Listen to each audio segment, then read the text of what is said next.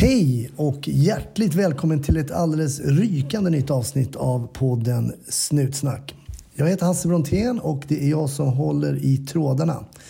För er som inte känner till det så i dagsläget jobbar jag som ståuppkomiker men jag har tidigare jobbat många år som polis i Stockholm.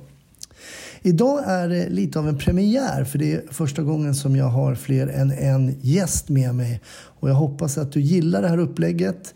Eh, om du inte gör det så vet du vid det här laget att du alltid är välkommen att kommentera de olika avsnitten på Snusnacks sida på Facebook.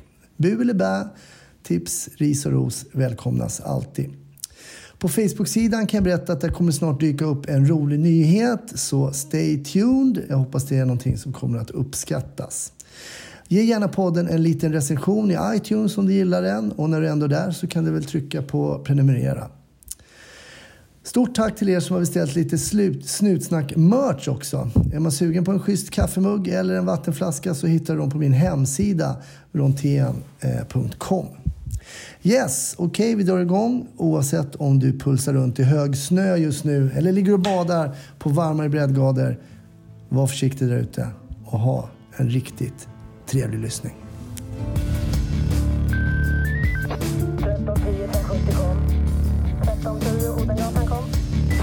Uppfattat. Vi tar det. Slut. Bra. Klart slut. Sådär, då säger jag varmt välkomna till Snutsnack Magnus och David. Jajamän. Det här är ju premiär. Det är ju liksom första gången jag har två gäster.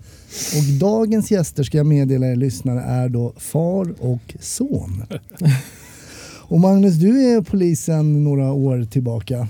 Ja, men det stämmer bra det. Eh, inne på, vad blir det, 17 eller 18 år nu. Så ja, ett tag har det blivit faktiskt. När, när gick du skolan? 2001. 2001. Och då kom en sån här följdfråga. Var du där då eller, eller kom du efteråt? När Nej, var jag var där först 2004. Okej. Okay. 2004, 2006 var jag där och härjade lite grann. Förstörde människors polisiära karriär. Okej, okay, 2001 så då har du hunnit vara polis ett tag. Och David, du är inte färdigutbildad polis än? Nej, jag gör min aspirant just nu i Farsta. Ja. Och om vi frågar dig då David, hur var det att ha en farsa som, som jobbar som polis? Ja men det var ju grymt. Eh, när man var liten så, jag kommer ihåg när du var ganska ny så kom du och besökte vår eh, skola där också, Just eller min klass där. Så då var, ju, då var man ju liksom kungen av klassen. vi fick åka runt med radiobil så på en liten kort sträcka. Och då, ja, men det var nice. Och man har alltid känt sig så här trygg. Liksom. Det vet man ju om, liksom, man har någon som är polis liksom, hemma. Körde du den där Min pappa är polis? Men jag tror typ inte jag gjorde det. Alltså. Eh, men alltså, säkert någon gång, men uh, nej, jag tror faktiskt inte jag gjorde det. Men skulle du säga att din, att din pappa Magnus har påverkat ditt val, ditt yrkesval? Alltså direkt eller indirekt, har han gjort det? Jo, men det har han. Jag tror att jag till och med snackade om polis redan innan du vart. när du jobbade som väktare bara. så jag har nästan alltid velat bli, men det är klart jag har haft en Uh, och han har ju alltid pratat positivt om. Du har, sagt, du har alltid sagt att det är det bästa jobbet som finns. Liksom. Så det är ju svårt ja, är att inte, liksom, ja, inte bli taggad liksom själv. Men Magnus, nu hör vi här, du har jobbat som väktare du nämnde också när vi var på väg upp hit till studion så sa att du hade jobbat som väktare tio år innan du jobbade som polis. Ja, jo, men det stämmer. Uh, och det var ju uh, det är en lång resa man har gjort men efter militärtjänstgöringen där så vart jag väldigt hundintresserad. Jag tyckte det var super. Hade all, vi hade aldrig haft hund i vår släkt överhuvudtaget. Så mm. tänkte jag det här var ju helt sjukt. Ett djur som kan spåra folk genom skog och hör och luktar. Det var ju helt eh, det var fascinerande. Så att, det som fanns då för mig det var ju väktarbranschen och bli hundförare där. Så jag sökte det efter lumpen. Jag hade dessutom ganska taskig syn. Mm. Men jag hade polistankar redan där. Men efter tio år då vågade man ju på det där med att operera ögonen med sån här LASIK eller vad det heter. Mm. Innan var man ju totalt livrädd för det. Nu vet vi fortfarande i och för sig inte vad konsekvenserna blir. Det kanske är om 30-40 år så är det folk som inte har någon syn överhuvudtaget. Men, eh, nej, så då klev jag på det och jobbade tio år som väktare med hund i tunnelbanan i centrum här runt Stockholm mm. och sådär. Men hur kommer det sig att du växlade över då från väktaryrket till eh, polisen? Ja, men jag kommer ihåg det ganska tydligt. För mig var det eh, jag kände det var många gånger man kom på tjuvar eller andra brott som hände. Men eftersom man inte såg det ske så var den här uh, bar gärning var ju väldigt svår att jobba med. Mm. Och de gånger man hade då poliser på plats så såg man ju på det sättet de jobbade att de kunde jobba med misstanke och liknande. Så att jag tänkte det där, nu, nu gäller det. Och dessutom så hade jag en kompis som var väktare då samtidigt som mig som eh, sökte in och tänkte kan han så borde jag ju kunna göra det här. Det, hur svårt kan det vara? och, problemet var ju att jag hade ju den här knodden och hans eh, syster och det var ju hur mycket som helst att stå med hemma. Småbarn och mm. börja plugga in komvux skulle jag göra och sen operera ögonen. Men jag bestämde mig för att satsa på det där och vid 30 års ålder ungefär så kom jag in där på skolan. Då var, var, du en av de äldre då i din klass till exempel? Ja, jag var faktiskt det. Jag hade en tjej som var äldre. Eh, men annars var jag bland de absolut äldsta. Jag skulle vilja påstå att 30 låter som en ganska eh, bra ålder att eh, komma in på polishögskolan. Man har en viss eh, livserfarenhet också. Som man inte har när man kanske är 21. Och då återkommer vi, då vänder jag mig till dig här David. Hur gammal är du idag? Jag fyller faktiskt 25 om två dagar. 25, ja. Mm. Hur har, du, eh, hur har det varit att, att gå på polisskolan? Jo men det har varit bra. Eh, de flesta är faktiskt min ålder. Mm. Jag skulle säga att de, jag är född 94. De flesta är mellan 90 och 94. Mm. Det finns några som är äldre så finns det några som till och med är yngre än mig. Men de flesta är ändå där omkring. Så det känns bra. Det var, var liksom det var ungdomligt. Vad sa du då Magnus när David sa men jag vill också söka till ja, men jag, jag har ju du har barn också? Ja. ja. Och det är ju så här, man vill ju sitt bästa för sina barn. Mm. Och jag fattar det, när man är polis du kommer aldrig känna några stålar. Jag fattar det liksom, mm. att det, det är kört. Men jag tror samtidigt att du kommer inte ligga där på dödsbädden och tänka jag skulle tjäna lite mer pengar. Tänk om jag kunde lägga där på dödsbädden och haft en miljon på kontot, vad nice det skulle vara.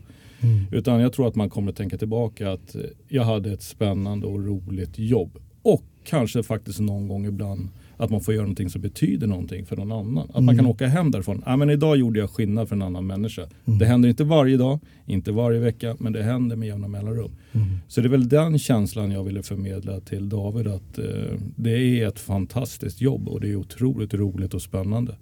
Fanns det någon rädsla hos dig då som förälder? Man, för man har ju också en liksom beskyddande tanke tycker jag ständigt kring sina barn att de inte ska utsättas för faror och så vidare. För, och jag menar, du som har jobbat både som väktare och polis har ju sett vad som händer där ute. Jag menar den risken som man ändå utsätter sig eh, för som polis. Fanns det någon sån känsla hos dig som förälder? Kanske inte som polis men mer just som förälder.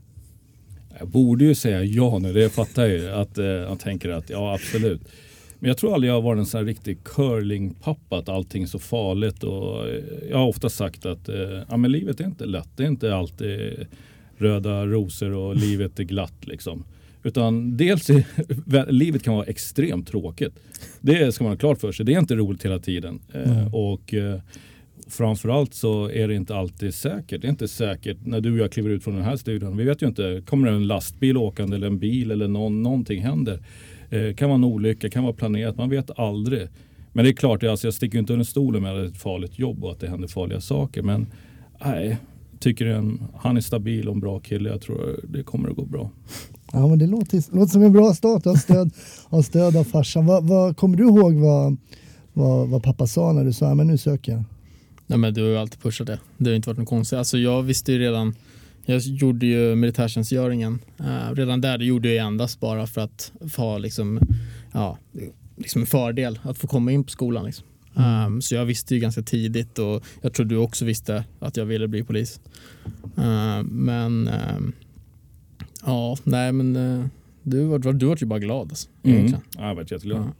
Men då kommer en intressant fråga. Hur mycket kunde du fråga farsan om när du hade så här läxor i polislagen?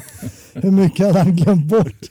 Och hur mycket kunde han som ett rinnande vatten? Ja, du har ganska bra koll på eh, liksom lagen så. Um, så det varit ganska skönt faktiskt att kunna ha, man kan snacka i skolan men sen också liksom hemma snacka.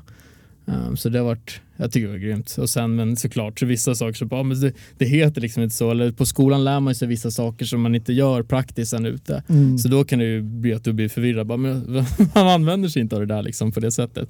Men du ska alltid lära dig allting på skolan liksom. Så det blir ju... Kan du, är det något sånt eh, konkret exempel du kan ge som du vet att du sa att det här lär vi oss på skolan och så säger Magnus men nej men det här det funkar inte så i verkligheten. Jag kommer ihåg att 23-22 Ja, det använder man ju sällan alltså, ute. Det var nu du pratar vi rättegångsbalken här eller? Ja precis, Ja. ja. det är en, en eh, förenklad utredning blir det va, något sånt. Mm. Eh, och det var, användes ju extremt sällan och det var ändå någonting som vi använde på skolan eller som vi snackade om i alla fall. Mm. Eh, men det fick jag ju, jag har inte använt det heller än på aspiranten så liksom Just det. det, det talade klart sig. Ja, men det var ju, där höll ju på att hetsa det som det där rätt mycket. Och man ska skriva på brott på knivlagen och så enkla beslag och sånt. Men eh, eh, min känsla är att vi har gjort det ytterst lite ute i verkligheten. Så där, och, eh, jag förstår egentligen inte riktigt vad fördelarna är. Om vi ska förtydliga för lyssnarna lite, vad pratar vi om? Vi pratar om att alltså, slutföra utredningen på plats då, är det Mm. det vi pratar om? En mindre egentligen utredning. Typ att F, en förundersökning som blir klar direkt mer eller mindre eller? Ja men typ, visst, det, det är så jag tolkar det i alla fall. Mm, mm. Och det menar du Magnus att det blir inte riktigt så när man är ute? Nej, Ja. nej, jag skulle vilja säga att eh, jag försöker komma på konkret här de sista fem, tio åren. Eller jag. Nej, jag tror att det är väldigt lite. Mm. Men till mitt försvar vill jag säga att eh, nu skriver vi ju i dur två anmälningar. Jag har gjort en sån. Så att Vad ju- innebär DUT? För jag tror många Ja. inte förstår vad DUT Nej, är. det är ju... ett eh, dataprogram. Ja, om jag har förstått det hela rätt. För evigheter sedan så startade man igång något som heter RAR. Ett RAR-system. Och där går ju ryktena om Rationell anmälningsrutin. Du ser, du har kollat på det där. Och ryktena säger att det var någon gammal polis som satt och snickrade ihop det där. Och man använder ju så här scroll-lock-knappen och grejer på Ja, datasystem. det. Ja, det är helt sjukt. Alltså, skulle du ta in en datatekniker, en modern kille eller tjej idag, de skulle, de skulle inte tro det där var sant. Det är så dåligt alltså. Ja, det är så dåligt. Men lite kult också, det vill jag klargöra. och så nu har man ju då, eh, kör man ju det mesta i dur 2. Eller jag tror man kör allt i dur 2 nu. Och Så- DUT 2 är också är det ett, ett separat system då? Ja, så ett separat system som man förut skrev förhör och liknande i och kompletterade till RAR. Men nu har man tagit bort RAR och, och skriver i DUR 2. Allting vad jag förstår. Okej, så det har, men det har i alla fall funnits då möjligheter att bolla här då för dig David, liksom med farsan. Och det kan jag ju tänka mig är en, är en fördel verkligen, liksom, att ha någon som är ute och jobbar och som man kan bolla med. Mm. Men när du eh, eh, blev färdig polis då Magnus, vad, vad har du gjort under din polisiära karriär? Mm. Ja, men, eh, när jag blev klar, eller redan på skolan så var jag tydlig med att jag hade ju en familj eh, och jag kunde inte sitta och pendla hur långt som helst. Så jag ville komma till eh, Haninge och Nynäshamn. Och då var det ju Haninge separat och Nynäshamn var ju separat. Så jag ville till Haninge. Eh, och eh, fick tydl- tidigt veta att ah, men det kommer vi fixa, du kan vara där. Så att eh, jag landade som nybakad eh, polisaspirant eh, aspirant 2003 i Haninge. Och eh, det var ju en eh, upplevelse. Det fanns en hel del eh, karaktärer där kan man lugnt säga. Det var så? En av de första killarna man mötte var en, en kille i skinnväst och en, en t-shirt under den här skinnvästen. Vapen och, och blåa byxor liksom. Så bara jösses vad är det här liksom? Och, och det visade sig vara en, en, kille som, en kille som tyvärr är avliden idag men hette Ricke. Som var väldigt speciell och Ja, det var ju bara att landa i från verkligheten från skolan och komma ut i den Han var riktiga sheriff- verkligheten. han var sheriff Han var sheriff på riktigt. Eh, Och den där skinnvästen här är helt roligt. skulle ju aldrig accepteras idag överhuvudtaget. Men eh, så där var, i Haninge var jag eh, i många år tills jag en liten kort vända var stationsbefäl. Vilket innebär att man är ett inre befäl och sitter och granskar anmälningar och Mm. prövar de som ska låsas in i arrester och sådär. Men jag hade ju det där att eh, jag ville jobba ute så att innan hade jag jobbat ett par år med eh, narkotika. Jag vet att du också hållit på med det. Men, Mm. eh, och tyckte det var superkul. Så det är nog faktiskt bland de roligaste tid jag haft. En, en liten gatulangningsgrupp där ute. Eh, så att jag hade ju både den ja, delen att jobba i uniform men också jobba civilt. Så efter jag hade varit SB så vart jag frågad om jag ville jobba som yttre befäl och då körde jag som yttre befäl här mellan 2011 och 2017 Mm. i Södertörn då blir det. och in i den nya omorganisationen. Då var det ju polisområde syd. Men de sista två åren så har jag blivit en av de här som har klivit in nu. Eh, jag måste erkänna det. Jag säger ju hela tiden att jag är en utepolis men jag har ju insett att det nästan gått två år att jag varit inne. Eh, så nu är det problem, man får musarm när man sitter och jobbar framför datorn. Man, eh, shit jag skar mig på pappret. Det är typ sådana olyckor från att innan när man varit, allt kunde hända liksom. Här har du ju någonting på farsan. ja, ja, ja. Men annars, när han har varit ute i 15 år, då får han säga någonting. Innan dess så kan han inte säga någonting, det är bara att ligga lågt. Nej, precis. Att, äh... Nej, men 15 år ute, det är ju starkt. Det är, um, ibland, det var ungefär, jag var ute i 15 år också. Och jag har tänkt på det där att det kanske är lagom. Mm. Alltså det kanske är lagom om man var ute i 15 år. Sen kanske man, jag menar i USA i vissa distrikt där de jobbar, där är de poliser max 15 bast. För att man ska inte vara det mer. Mm. Och sen tror jag åldern kan spela in också. Såklart. Man, eh, ja, man, det blir ju tuffare med helnätterna. Jag hade, hade jobbat som, på nätter med, som väktare i tio år innan mm. och sen tre skift i 15 år. Alltså det, det tar ju på kroppen. Man får ju svårt att ställa om tiderna tycker jag. Det tycker jag är det jobbigaste. Mm. Hur mycket, David, hur mycket frågade du pappa om när du var yngre? Liksom så här? Vad har hänt på jobbet? Var du nyfiken? Ville du liksom höra spännande historier om biljakter? Och... Ja men det var jag ändå. Alltså så här, det är klart. Men mycket berättade du själv. Alltså om du varit med om något så här sjukt typ. Eller så berättade du. Det var ju sällan att jag frågade ah, vad har du gjort idag pappa? Liksom, att jag stod på dörren och liksom väntade. Mm. Uh, men uh, jo men jag har hört en och annan historia det har jag gjort. Uh, är det några sådana här historier som du har hört som har fått dig att tänka så här man kanske inte skulle? Nej man, tvärtom. Är det så? Ja. Man tar ju bara en bra historia. Ja. du, har inte, inte skrämt iväg. Nej. Nej. Men vad har du för vision då David? Om ditt, din, du är just nu ute på aspiranten. Mm. Och det är ju så nu att du helt enkelt blir godkänd där och sen är du färdigutbildad. Mm. Eh, ja, precis. Polis. Vad har du för vision om ditt framtida polisliv så att säga? Oj, det är så svårt att säga. Så det mm. känns som att det är annorlunda nu också än vad det var förut. Mm. Även fast det kanske tar på dig om man säger det. Ehm, det är ganska många som jobbar kortare tid ute mm. Eh, och går in snabbare. Ehm, men jag hoppas ju att jag ska jobba ute länge. Det är det som jag tycker är kul. Jag är mm. inne på utredning nu. Ehm, jag började ju ute på, på aspiranten och jag tycker det var svinkul. Alltså. Mm. Det är ju en skräckfylld förtjusning kan man ju säga nästan. Man är ju livrädd hela tiden. man liksom beslut och allting och det är så nytt med, alltså man kommer, det är alltid någonting nytt hela tiden. Mm. Uh, men samtidigt så bara längtar man till nästa pass. Det är en ganska sjuk känsla faktiskt. Uh, men uh, jag hoppas på att jag ska vara ute. Eh, mm. Sen tycker jag också det är ganska intressant med just eh, narkotika. Mm. Uh, sen vet jag inte alls hur, det ser inte likadant, alltså det finns inte de här riktigt de här gatulangningsgrupperna uh, längre på det sättet. Utan det finns väl bara några som jobbar lite civilt då och då. Så när det, typ, när det är specifika, så som nu så har vi ganska stor problematik med personrån. Mm. Och då är det specifika grupper som jobbar då liksom, mot dem då, civilt. Mm. Men inte så mycket narkotika faktiskt. Och var kommer du hamna när du är färdig då? Uh, det är oklart än idag. Det är så? Uh, jag skulle egentligen ha varit, gjort min aspirant i Haninge uh, där farsan är. men de flyttade mig i sista sekund till Farsta. Okay. så som det är just nu så tror jag faktiskt att jag är satt i Haninge för att själva grejen var att en bedömning med aspiranten och allt sånt där. därför jag kunde inte göra min aspirant i Haninge. Eh, men eh, som, som det är just nu så är jag satt i Haninge. Jag ska till Haninge efter. Men sen så tror jag på något sätt att jag har någon egen vilja också. Vi säger att jag skulle känna att jag vill jag i Farsta eh, en stund till så kommer jag nog få göra det. Men det är, det är osäkert än idag. Liksom. Det... Men då är chansen att se er i samma radiobil den när du går där inne i dina Birkenstock-tofflor och, och vänder på papper. Det kommer inte hända då. Eh, nej, men eh, fakta är att jag försöker ta lite pass och ha någon trovärdighet kvar där ute. Och sen har vi den här eh, SPT-organisationen där jag ingår fortfarande. Och det är särskild polistaktik. Mm. Alltså man jobbar mot demonstrationer och stora folkmassor och sådär. Mm. Eh, nej, så jag har inte helt skjutit ut mig. Jag, jag, känner ju som ibland att man har gjort det, men jag vill ju. Och eh, oavsett var David landar sen så det är klart vi måste göra något pass ihop. Det känns ju som en Någon form av magnetpass typ. Ja, ja, jag, kan, jag kan åka gratis. Det är inga, konstigheter. Nej, det är klart man ska göra det. Självklart. Ja. ja, det är lite unikt. Jag tror inte att jag kan komma ihåg att uh, jag har sett eller hört någon far och son som har gjort något pass. Det finns säkert. Det finns säkert.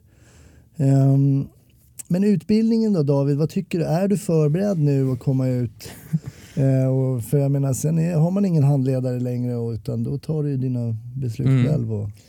Jo men det, det, är klart att man, uh, jag är fortfarande, jag, är, jag ska ju komma ut sen igen. Jag är bara inne nu i fem veckor så det är ju ut uh, och bara fortsätta liksom kötta IGV, mm. ingripande verksamhet. Mm. och ja, som det känns nu så är man ju ändå liksom hyfsat redo men det finns ju jättemycket att lära. Alltså, det är ju sjukt nästan. Ja. Jag känner att du tycker det är skittrist att sitta på utredningarna. Du vill, det, det tyck, jag kommer ihåg själv att jag, jag ska jag sitta och, ja. med det här. Jag har haft lite tur faktiskt. Jag har hamnat på ungdomsgruppen så det är ju ganska mycket fristärenden. Alltså tiden ska snabbas på. Mm. Um, så jag har suttit ganska mycket med personrån. Okay. Det är ju ändå ganska intressant. Um, mm. Då får man vara med lite husrannsakan och lite lite grip här och där. Mm. Eh, så det är i alla fall någonting. Jag har ju skräckexemplen från de andra som sitter på mängdbrotten där. Det är inte lika kul. Det är mycket kalla men ingen kommer. Och det, oh. Jag ja, tänker det... så här, olaga affischering eller någon riktig, kommer på någon sån här riktig tråkig rotel. ja. När man skickar dit, när man var aspirant själv så hamnar man ju på sånt här. Men jag tänker om vi tittar på, du pratar nu om personrån till exempel som som man läser dagligdags om att eh, ungdomar rånar varandra på både liksom, eh, mobiler och jackor och kanske till och med skor i vissa lägen. Jag menar Magnus, du har ju sett den här utvecklingen lite grann och också alla skjutningar.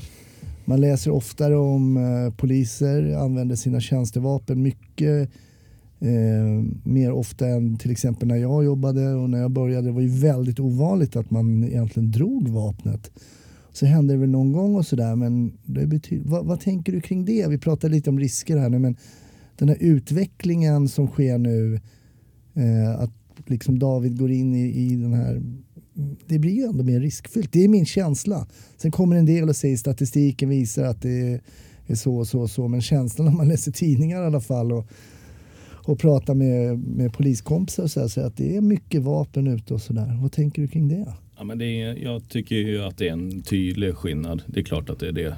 Jag skulle vilja se den som säger motsatsen. I alla fall den som är ute i verkligheten. Det är klart att det är skillnad. Eh, om vi, eh, vi, I polisområde syd då, som jag jobbar i, då har vi ju åtta lokalpolisområden. Alltså det kan vara Farsta eller Haninge, Nynäshamn och sådär. Och eh, i de här områdena, det är ju jättemycket där vi nu i de utredningsgrupperna hanterar grov brottslighet utpressningar, eh, eh, olaga frihetsberövanden, mordförsök. Eh, och, och, så det är ju en jätteskillnad. Sådana brott som var självklara att det låg på grova brott förut exempelvis. Mm. Så att visst har det hänt mycket där och den största skillnaden skulle jag säga är ju vapen. Eh, det är ju mycket vanligare nu. När vi förr hittade ett vapen, det var ju verkligen, det var ju som att vinna på Lotto. Man var ju jätteglad. Mm. Nu tar de ju, jag tror vi tog 2018 så tror jag vi tog nästan 300 vapen i eh, polisområdet syd.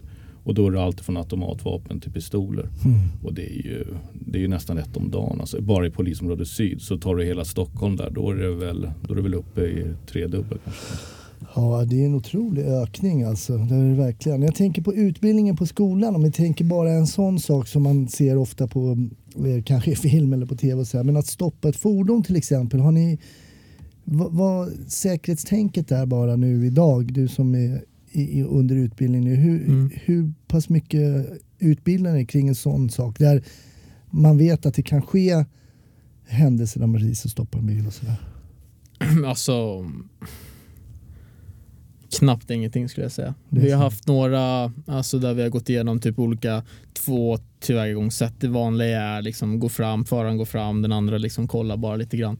Uh, om det är typ standardtant Agda till exempel. Uh, mm. det annars är också om vi typ, vi har ju som i telefonen så kan vi göra slagningar på både fordon och personnummer. Mm. Uh, redan där så kan vi ju slå på, vi ser en, en person uh, kan anses som farlig eller någonting. Då finns det ju, då, då går man för ett annat liksom, utgångssätt.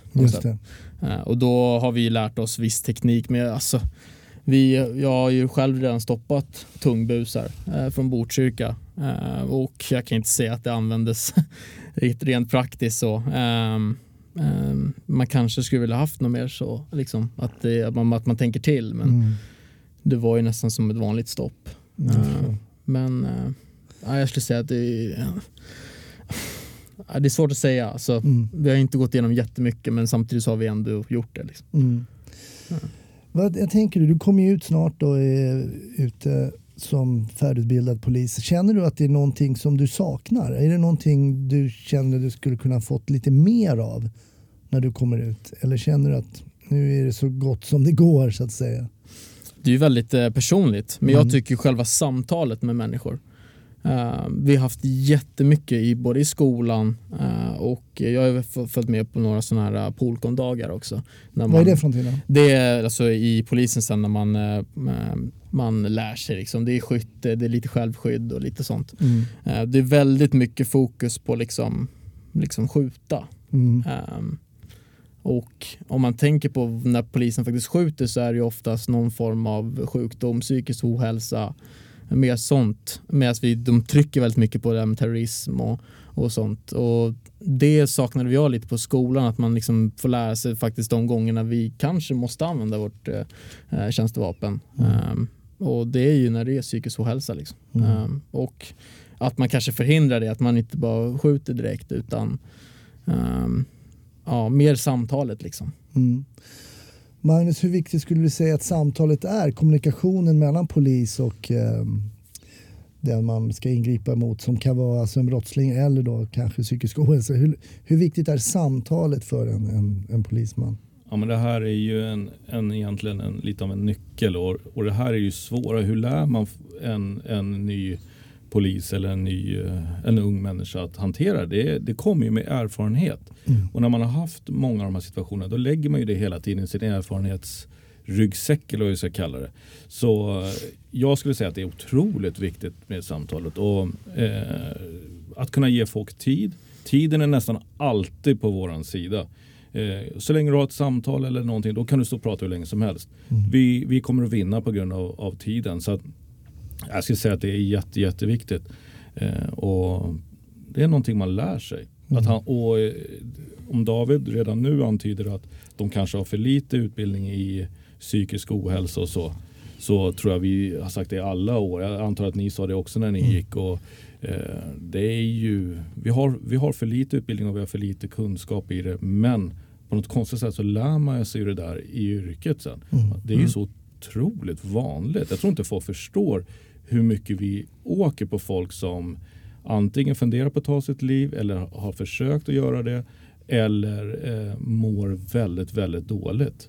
Eh, eller är direkt jätte, jättesjuka. Alltså, det är då börjar ju grannar och sånt ringa för då, då fungerar ju ingenting. Det är ju jättevanligt. Det är ju inga andra som i samhället som kan hantera det här. Det är ju poliser som åker på det. Mm. Och då kan du ha en polis som kanske är sin tredje dag som färdig polis eller så kan du ha en som åker efter 20 år. Det är klart att det säkert kommer att vara väldigt stor skillnad på Mm. bemötandet där. Mm. Jag tycker att jag lärde mig väldigt mycket när jag kom ut som ny polis av, av väldigt verbala poliser. Jag märkte att de duckade väldigt mycket problem genom att Mm. vara väldigt verbala, väldigt duktiga på att liksom ta emot folks så att säga, verbala slag och möta dem på ett bra sätt så att det inte blev en konfrontation. Mm. För det är ju, alltså att reta upp en människa som polis tror jag man kan göra ganska fort. Det är om man vill. jättelätt. Mm. Eh, men tvärtom är lite svårare. Att liksom verkligen vara en smooth talker och stå där med uniform och liksom eh, det, det tror jag är någonting man verkligen behöver träna på. Och sen som ni, det ni nämner här nu med psykisk ohälsa, det tar det ju upp till en helt ny eh, nivå ju, eftersom personer man pratar med kanske inte alltid tar in de orden man säger. Mm. Mm. Ja, jag, jag känner att jag varit ju nästan lite halvt chockad i de första passen hur mycket det faktiskt var Mm. eh, gällande psykisk ohälsa. Eh, man hör, dels har jag själv åkt på sådana ärenden men sen också hör man på radion hela tiden liten flicka eller 14-årig flicka står vid bron eller fli, eh, liksom eh, hela tiden. Mm. Så jag varit ju ganska paff. Då har ändå hört ganska mycket på både liksom radio och tv att eh, det är en, en ökning i den psykiska ohälsan i, liksom, i vårt land nu. Eh, Men eh, ja, jag har varit ganska paff faktiskt. Och materiellt sett så har vi inte haft det bättre. Ja, det är jättekonstigt. Så det är mm. någonting här som, eh, och det är, det är ju så pass komplext problem såklart med psykisk ohälsa varför det har kommit dit och att det är så. Det hoppas jag verkligen att också andra instanser kan gå in och... Ja, vi kan ju bara göra en mm. liten del där. Mm. Men jag tycker det är viktigt ändå att poängtera att det är ett riktigt hedersuppdrag att de gånger man har varit med och man inser att ah, men jag har nog, i alla fall just nu, avbrutit det här självmordsförsöket och den här, det här var seriöst. Den här personen var verkligen har tänkt på det här och att man ändå avbryter för att den här personen, allting är ju nattsvart där och då när den här personen står med det. Men de har också en erfarenhet att det har vänt tidigare. Mm. Så de, hoppet finns ju ändå där att om några månader eller några veckor eller några dagar så kan det här vända och jag må, och kan må bättre. Och då vet ju vi att vi sköt upp det här oundvikliga som ett självmord innebär. Mm. Det, är ju, det är ju en hederssak som polis tycker jag. Och det känns otroligt bra de gånger man har varit med om det. Mm. Har du varit med om sådana klassiska? Ja, men det, har, det, det, det kommer David, om han inte redan har varit det. det alla poliser är med om sådana här saker. Och, mm. eh, det, är ju, det känns ju väldigt bra. Och det är ofta så som du säger att man, man kommer till platsen, eh, en person eh, är kanske har ringt in och eh, sitter och funderar. Kanske sitter med en kniv eller tabletter eller någonting. Och man, man får agera därifrån. Jag kommer ihåg ett ärende när vi ändå pratar om det. En, eh, jag, jag körde själv som ytterbefäl där. Eh, eh, det är inte så populärt att göra det längre men, men jag gjorde det vid det här tillfället. Och jag tycker, då tyckte jag det var ganska skönt att åka själv ibland. Sådär. Men det innebär ju också att det var ju lite större problem att ta olika sorters jobb. Och det här, eh, vi hade varit ett pass, det varit från första stund till sista fullt ös. Och jag hade varit i Flemingsberg och var på väg tillbaka till Handen eh, och skulle avsluta mitt pass helt enkelt. Där radion ropar upp att det är en, en kvinna som sista position som hon har uppgett är ganska nära den här vägen där jag åker. Mm. Uh, och uh, vi tror att uh, hon har försökt eller försöker göra någonting. Så jag tänker, ja, men jag gör ett försök. Det finns ingen annan. Det är, nattens pass, personal kommer att kliva på snart men det kommer dröja så jag åker in och börjar leta på de här små skogsvägarna där och tänker, ja men jag kör på. Och till slut så hittar jag en bil med, där det sitter då jag reagerar direkt på bilen för det är en ganska konstig plats och sen ser jag ju att eh, man har dragit slangen för avgasröret och in och tejpat för. Och, okay. och sådär och det finns inte ett livstecken så jag fimpar ju bilen där och öppnar upp och, och efter ett tag så kvicknar den här äh, kvinnan till liv där. Hon mår ju självklart jättedåligt. Men jag kommer ihåg liksom hur jag sitter och helt ensam ute i skogen, tar henne i handen och sitter och pratar och inte försöker inge falskt hopp att allting kommer bli bra. För jag vet inte hennes livssituation. Jag har ingen aning vad hon går igenom. Men hoppet kan man alltid leverera för man vet aldrig hur framtiden ser ut. Det kan, det kan bli bra. Mm. Så jag sitter där och håller henne i handen och pratar och till slut kommer ambulansen då, där ute för att försöka guida fram dem. Och, eh, och de lastar in en och kör iväg. Och jag menar, jag har ingen aning hur det gick sen. Men en sån, en sån händelse det påverkar ju en. Det gör ju att man, ja men idag gjorde jag nytta. Mm. Jag stod inte, ja, nu ska man aldrig prata om några andra jobb, men jag stod inte på något jobb och gjorde något meningslöst. Utan mm. det här mm. var bra, det var värdefullt. Vad tänker du då när du, innan du släcker lampan en sån kväll? Är det en sån, finns den kvar den tanken vad du gjorde senaste passet när du liksom släcker lampan eh, en, en sån kväll? Väl, väldigt sällan, det är konstigt att man svarar så. Mm. När jag har haft, när man har släckt lampan och, eh, och ligger och sover och vaknar till eller något sånt. Det har nästan alltid varit när jag känt att äh, det, här, det här gjorde jag inget bra. Alltså. Mm. Varför vart jag arg på den där personen? Eller varför gjorde jag det? Det är ofta de.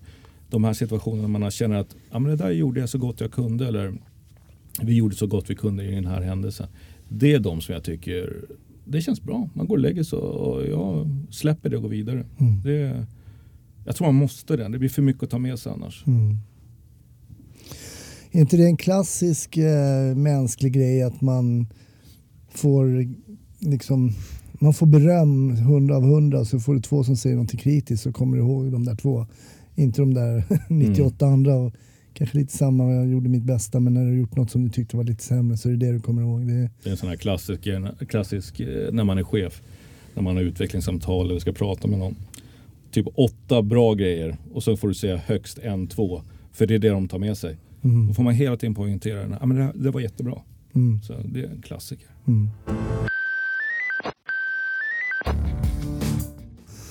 David, när du har varit Mm. ute på um, aspiranter nu, har du, har du varit på några case som har satt sig liksom hos dig redan nu? Jag menar hur länge har du varit ute, var du ute, ja, men hur länge har du varit ute och åkt i uniform om man säger så? Ute på Eh, IGV? Fyra, fem veckor, li- lite oklart. Vi hade första veckan så var det som en bussvecka. Mm. Där vi åkte fyra aspiranter med två instruktörer. Vi åkte runt och gjorde lite brottsförebyggande och, Mm. och sånt.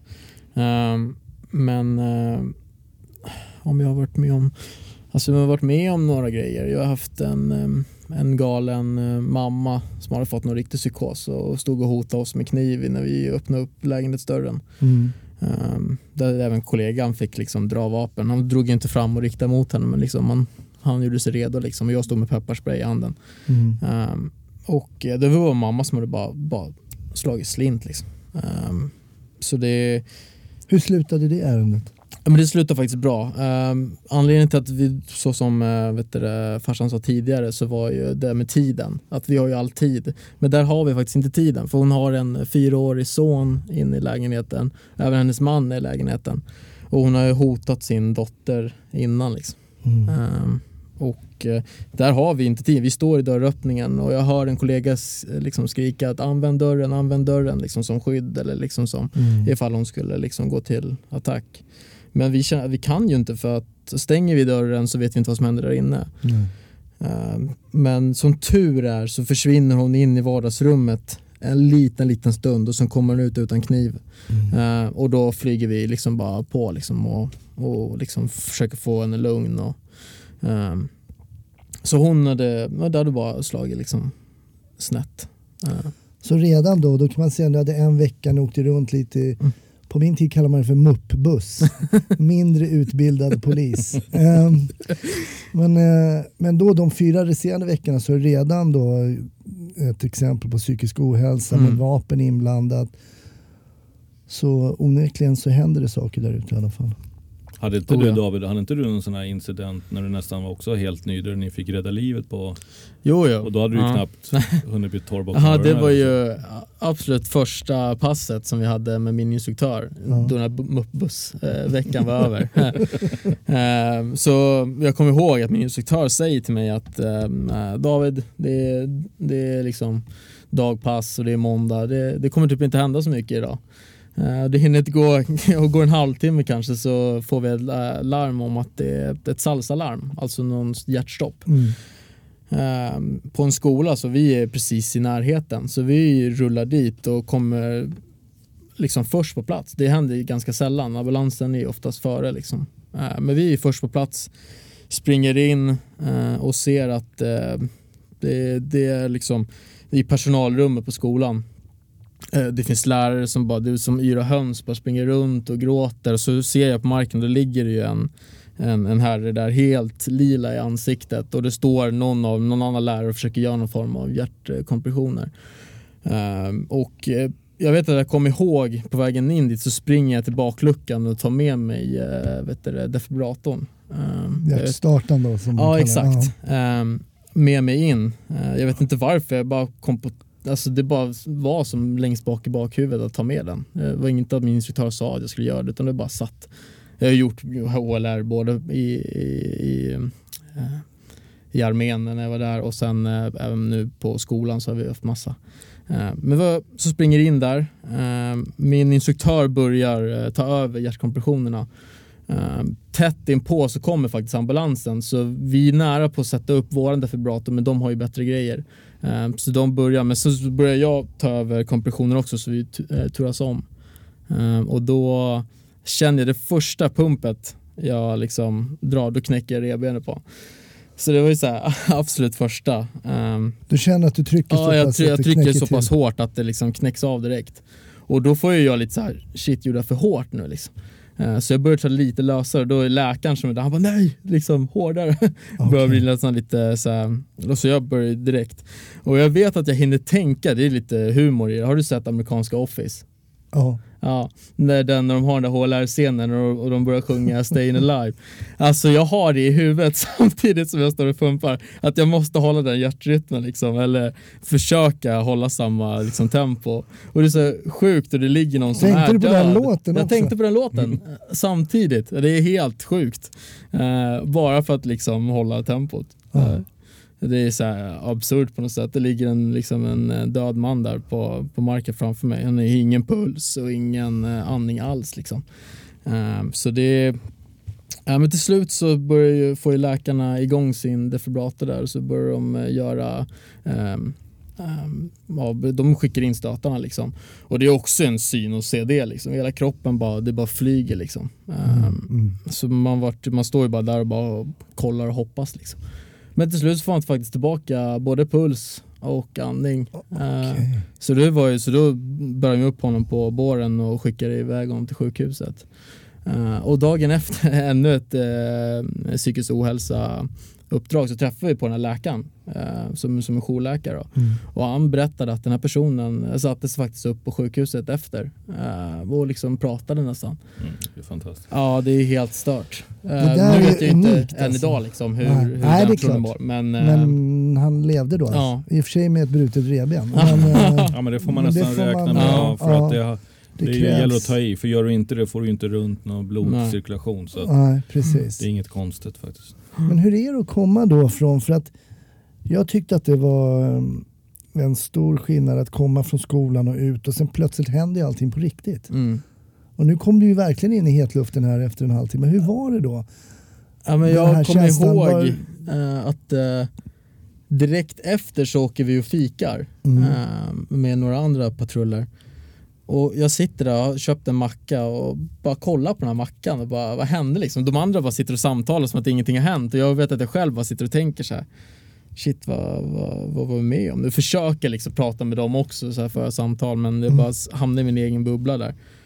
Men så går det ungefär en halvtimme där jag ungefär tänker sådana liksom banor eller eh, liksom börjar fundera på det här yrkesvalet. Mm. Uh, men en, efter en halvtimme så bara släpper det helt och jag liksom bara kör på nästa uh, och bara älskar att jag valt det här jobbet. Det, jag hade en halvtimme där som jag tänkte började så fundera mm. men samtidigt så är jag så otroligt säker efter. Liksom.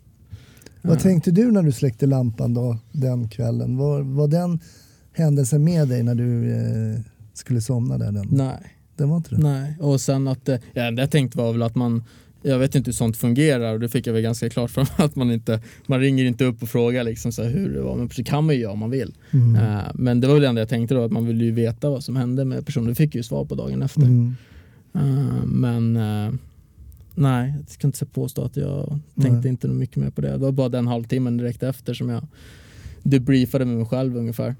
Det vi har hört många gånger i, i, i podden här är just det här kanske som feedbacken, att man inte får feedbacken. Vad hände? Vad hände egentligen? Man åker på sitt jobb, man gör det man ska, ska man gör det kanske till och med riktigt, riktigt bra. Men sen vet man ingenting mer. Mm. Ibland vill man ju inte Ibland är det skönt också att det inte, för det är ju, världen är ju inte bara lyckliga slut Nej. och rosa och det, utan det blir ju tyvärr inte, och speciellt om vi pratar psykisk ohälsa eller sådär, det är ju, det slutar ju inte alltid bra. Liksom. Så att det, men visst, ibland har man ju haft, eh, så, precis som David säger, att man hade velat veta ändå faktiskt. Eh, och det, vi är dåliga på att få feedback, men jag tror det gäller ambulans och brandkår mm, och eh, alla de här yrkesgrenarna. Mm. Och det kanske är svårt också att ge alla feedback i mm, alla tänkbara ärenden och sådär. Eh, det kan jag tänka mig. Magnus, jag brukar alltid fråga min gäst och du har ju berättat en, en händelse här med men jag tänkte, en, har du någon sån händelse som ligger och som poppar upp ibland som har stuckit ut på något sätt under din polisiära karriär som, som kommer tillbaka till dig ibland någon gång? jag har en sån här äh, riktigt sjuk historia som jag om du hade berättat den eller om, det, om någon hade fått förfrågan så ah, vill du vara polisexpert i den här Beck-filmen och och så drar vi det här exemplet där jag sagt att det, det är noll trovärdighet i det där ärendet. Det där, där kan ni inte köra. Om du hade sett det på Beck så hade du inte trott nej, det? Nej, nej, nej, absolut inte. Så att eh, du får väl ge ditt, din, eh, ditt betyg vad du tycker om det här. Men det, det, var väldigt tidigt i min poliskarriär. Jag hade blivit färdig polis och eh, jag var ju ganska så här, engagerad polis får man nog säga. Eh, och nu har, ju, har vi ju telefoner, smartphones och allting även i privat men man har ju det i jobbet och kan slå på personer på plats och sådär. Så var det ju inte förut. Du kommer säkert ihåg när man skulle slå en QP, alltså en bilfråga mm. och man fick sitta och vänta i 20 minuter. Och de på radion var så här, när man hade gjort det fyra gånger på raken och speciellt när det inte var träff, då, bara, ja, då lackar de inne på radion. Då skickar de ut en längst på Dalarö och hämtar en cykel eller någonting så de fick lugn och ro. Liksom. Så att det var ju andra tider. Men eh, den här, det hade jag jobbat, jag tror det var en fredag. Jag hade jobbat 18.03 och eh, ja, sitter lite halvtrött på väg hem. Och på den här tiden då hade jag ett litet anteckningsblock, kanske låter helt sjukt man berättar sånt där. Men, det hade jag med. Ja, du hade också det. Ja. där man skrev upp så här, om det var någonting konstigt eller no någonting man reagerade på. Så att jag hamnade bakom en bil eh, och så bara, den där går vingligt liksom. Ska jag ringa in till radion och säga att jag tror att det är en rattfylla? Och visste att jag visste var bilarna var upptagna. Jag visste att det fanns ingen bil. Och det blir svårt själv att åka upp och börja vifta med någon hand och grejer. Men sen eh, jag såg den där bilen vingla lite grann och, uh, och sen tänkte jag, sen gick det rakt helt plötsligt igen. Så jag tänkte nej, han måste ha hållit på med någonting där inne i den där bilen, eller hon. Mm. Så jag tänkte jag, äh, mitt anteckningsblock, jag skriver upp det där. Och så började jag titta runt och hittar inte det där. Det var ett litet anteckningsblock. Så jag bara skit också. Ja, men jag ska försöka komma ihåg regnumret. Jag slår på den där när jag kommer till jobbet på måndag. Åker hem, eh, somnar snabbt och eh, sover gott. Är ledig lördagen och söndagen och kommer sen till jobbet på måndagen. Och då får jag höra att det har skett en våldtäkt i, i polisområdet eller i vårt område. Och eh, jag får beskrivet att det, det, är längs den här vägen. Eh, som du åkte på under Som fredagen. jag åkte på. Så mm. jag bara okej, okay, ja, det var lite konstigt. Vilken tid var det? Ja, men det var ungefär vid halv fyra. tänkte, halv fyra. Det är ju precis när jag åker. Vad, vad, vad sa ni att det var för bil? Ja, men det var en, en Audi 100 svart. Jag bara, det var en Audi 100 svart som jag låg bakom. Så jag bara, jösses alltså, det här verkar ju helt... Vad är oddsen?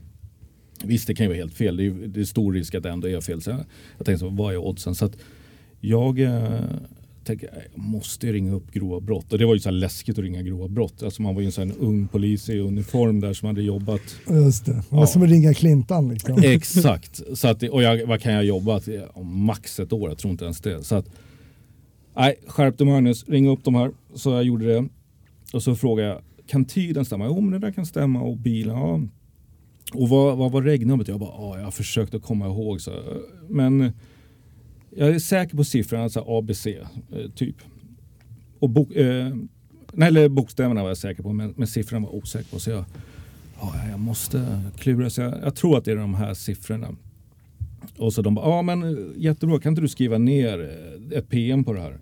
En promemoria och så kan vi titta och se om vi kan börja slå på det. Och se om vi kan få fram någon Audi 100 med det här regelnumret. Så jag bara, okej. Okay så jag sa till min eh, kollega som jag skulle åka ut med, du, vi får softa lite grann för jag måste skriva det här PMet så måste jag direkt skicka det till eh, grova brott. Eh, jag ska inte få dem om jag faxade den. Eller jag, jag, jag kommer inte ihåg hur de fick över det men det skulle gå över så fort Brevduva. Ja, exakt. Så sitter och skriver det där. Eh, ja, färdig. Eh, så bara, nej men nu är det dags att åka ut. Så vi går ner till radiobilen. Kör iväg från Handen. Handens polisstation ligger i Haninge centrum kör bort till Jordbrorondellen. Det är en stor rondell mellan Handen och eh, Jordbro. Kommer upp, upp en Audi 100 framför mig. Så jag bara, svart. Mm. Så jag säger, och då har jag berättat för den här kompisen som jag åker med. Så tittar jag bara. Tre första bokstäverna stämmer. Eh, två av tre siffror stämmer. Så jag bara, men det här är ju helt sjukt. Ju, jag måste ju stoppa den där. Mm. Stoppar bilen eh, och eh, går fram pratar med föraren. Föraren är ju nervös. Men det är, det är inget konstigt. Det blir ju stort sett alla när man stoppar dem. Mm. Utom yrkeskriminella. men de flesta blir nervösa. Och står och pratar med honom. Så jag tänkte jag får ringa upp stationsbefälet. Så jag ringer stationsbefälet. Frågar. Ja, den här ärendet. Och hon tittar och hon kan inte komma in i, i anmälan. Den är stängd. Den är, mm. Vissa känsliga ärenden stänger man ju Just det. Så inte folk ska kunna gå in och titta. Och sexualbrott är ofta sådana som stängs. Så hon bara, jag kan inte gå in och titta. Så jag bara, ja, jag tar ner hans eh, namn och allting och eh, skriver ner så mycket jag kan om honom och den adressen han uppger och så vidare. Men eh, idag så kanske man hade fått en hämtning till förhör på det för det är tillräckligt för att ta in den där och prata med personen. Men Men var det just för att du inte kunde öppna anmälan då som ja, ni inte fick något det kött så på då benen? och det, och det här stationsbefälet tog det beslutet så det var inget jag ifrågasatte där. Jag Ja. hade tagit ett annat beslut själv idag men, men det är en annan sak. Och så i alla fall så åker jag in. Så bara, nej, jag får ju ringa upp den här läskiga Clin- Clintan liksom på, på gro- grova brott där. Jag, bara, jag fattar, ni tror jag är psyksjuk, att det här är en psyksjuk polis. Jag, jag fattar det liksom. Och så berättar jag storyn och han bara, mm, lite halvskeptisk där men Ja, ja, du har ju varit så engagerad. Vi öppnar upp den här anmälan så du kan titta i den. Så jag får behörighet att titta i anmälan. Och jag kommer ihåg, jag läser anmälan. Kommer ner till signalementet och då, bara, då ställer sig allt hår på armarna. Perfekt signalement på den här gärningsmannen. Stämmer exakt. Och jag bara, jag ringer upp direkt. Jag bara, ja, det är ju den här. Det är, jag är helt övertygad. Det stämmer perfekt. Och jag fattar att det här är helt sjukt. Oddsen är så liten men kolla och då gick ju de indirekt kunde ju se via liksom telefon och liknande att han, de masterna hade öppnat och allting. Och, så de gick in, jag tror det var samma kväll gick man in och så tog man honom. Och det var gärningsmannen. Nyfödd bebis hemma, eh, fru eh, och eh, ja, riktigt brutal våldtäkt. Så att eh, ja, många år på kåken på grund av eh, ja, allas polisarbete där. Så det kändes ju otroligt bra men helt osannolik historia om man skulle se den. Helt alltså, Haninge jordbruk är ju inte jättelitet, det kryllar ju av bilar liksom. Ja. Så att, att oddsen, hade vi åkt ut fem minuter senare, fem minuter tidigare, hade vi aldrig sett den där i rondellen. Det visade sig sen att bilen var inte skriven i vårt område, den var en annan del av, av Sverige, vilket gör att det är mycket svårare, i alla fall då var det mycket svårare att hitta i systemet.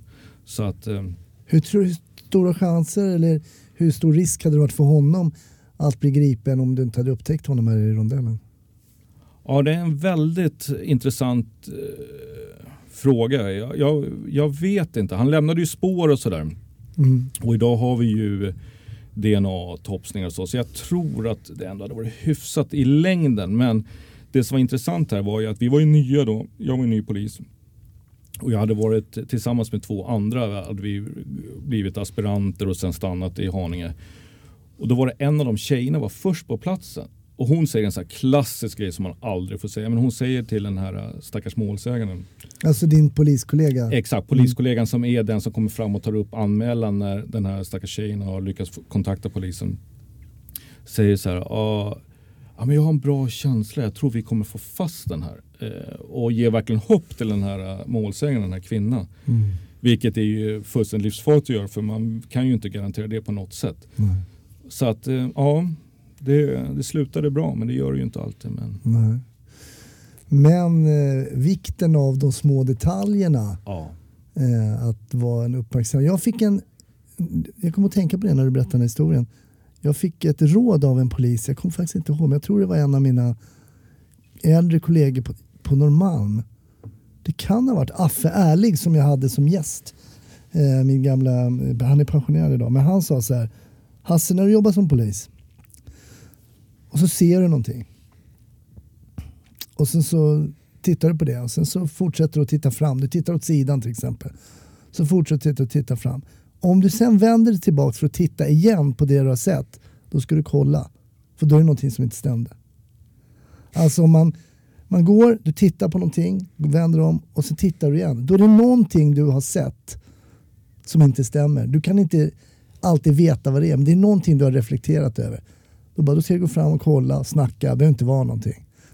Och det har varit ett ganska bra knep för mig. Att liksom, varför kollar du två, tre gånger? Det är någonting. Mm. Du kanske inte har sett någon Mm. överlåtelse eller något sånt, men det är någonting du har reagerat över.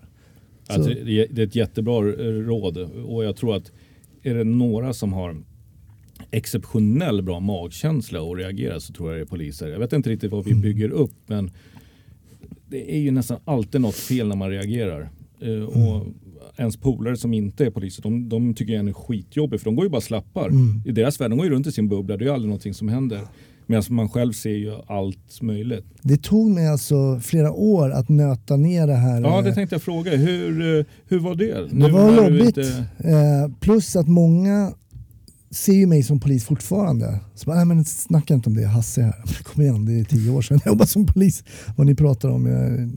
Nej men det var ju, man hade ju den där blicken hela tiden och såg folk som kom in på restauranger. Ja, de där är kriminella, det såg man direkt.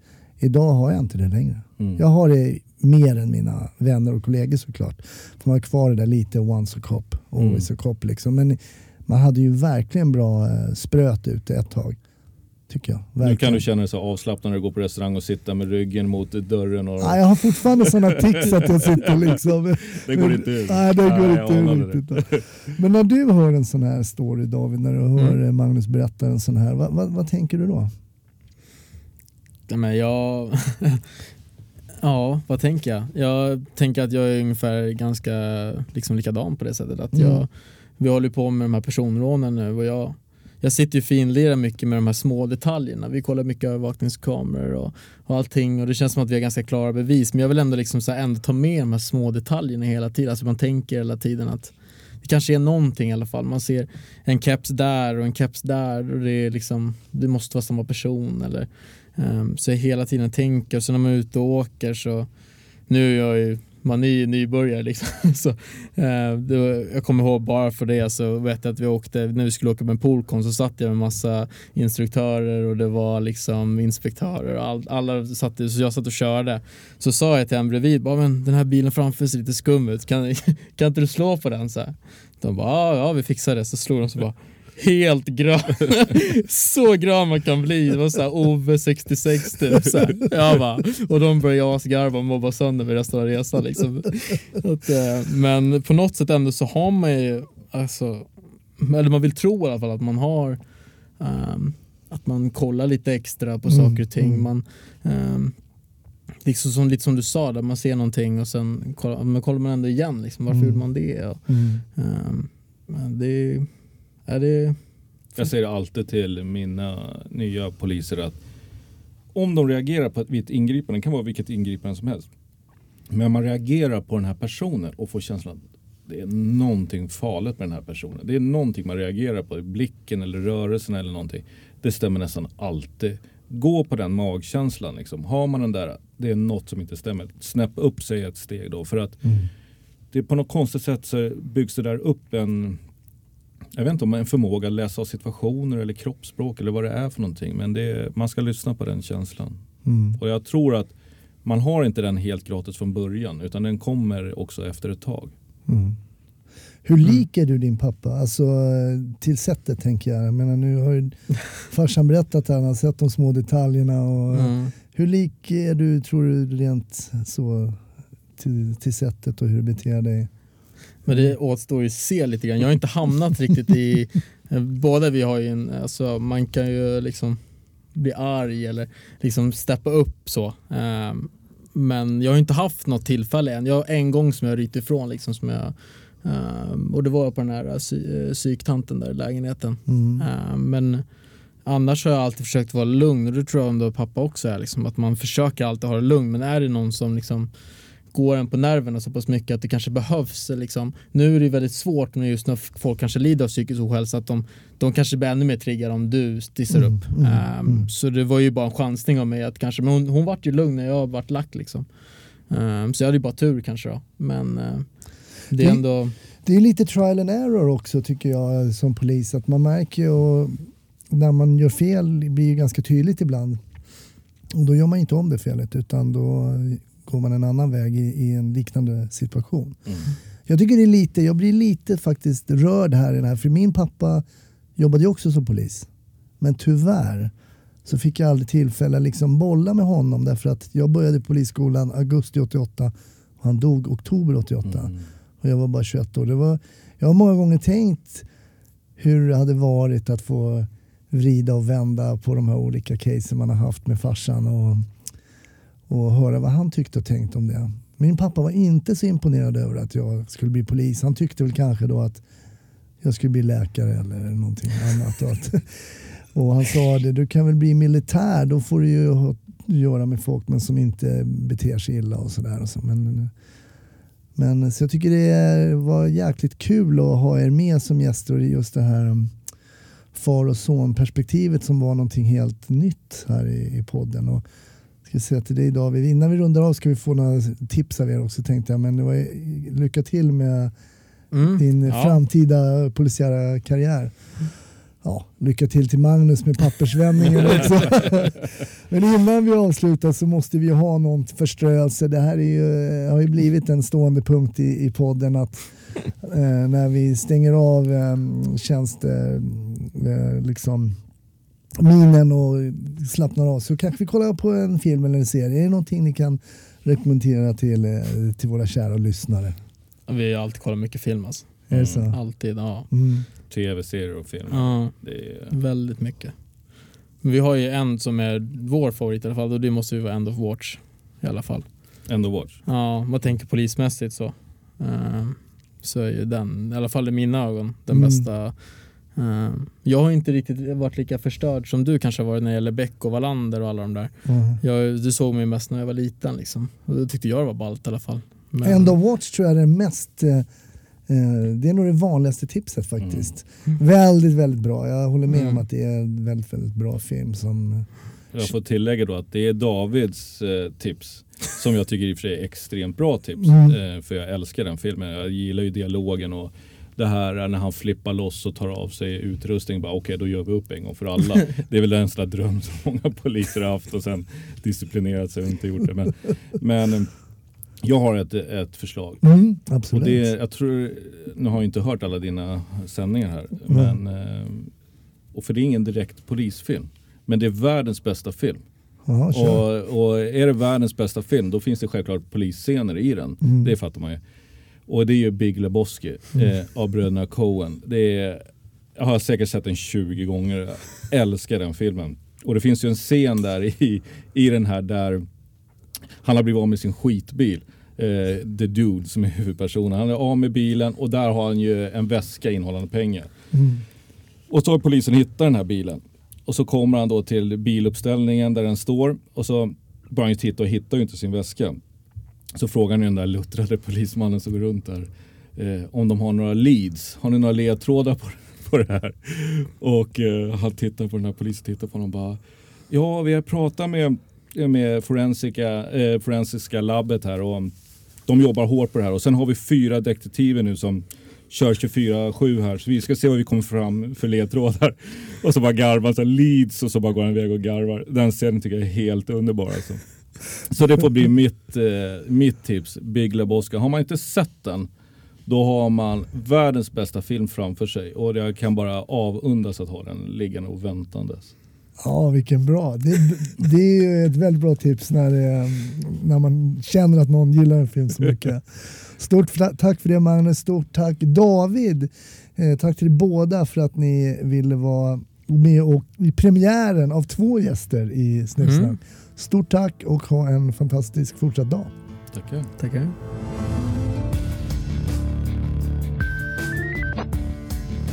Stort tack för att du har lyssnat på ännu ett avsnitt av podden Snutsnack med Hasse Brontén.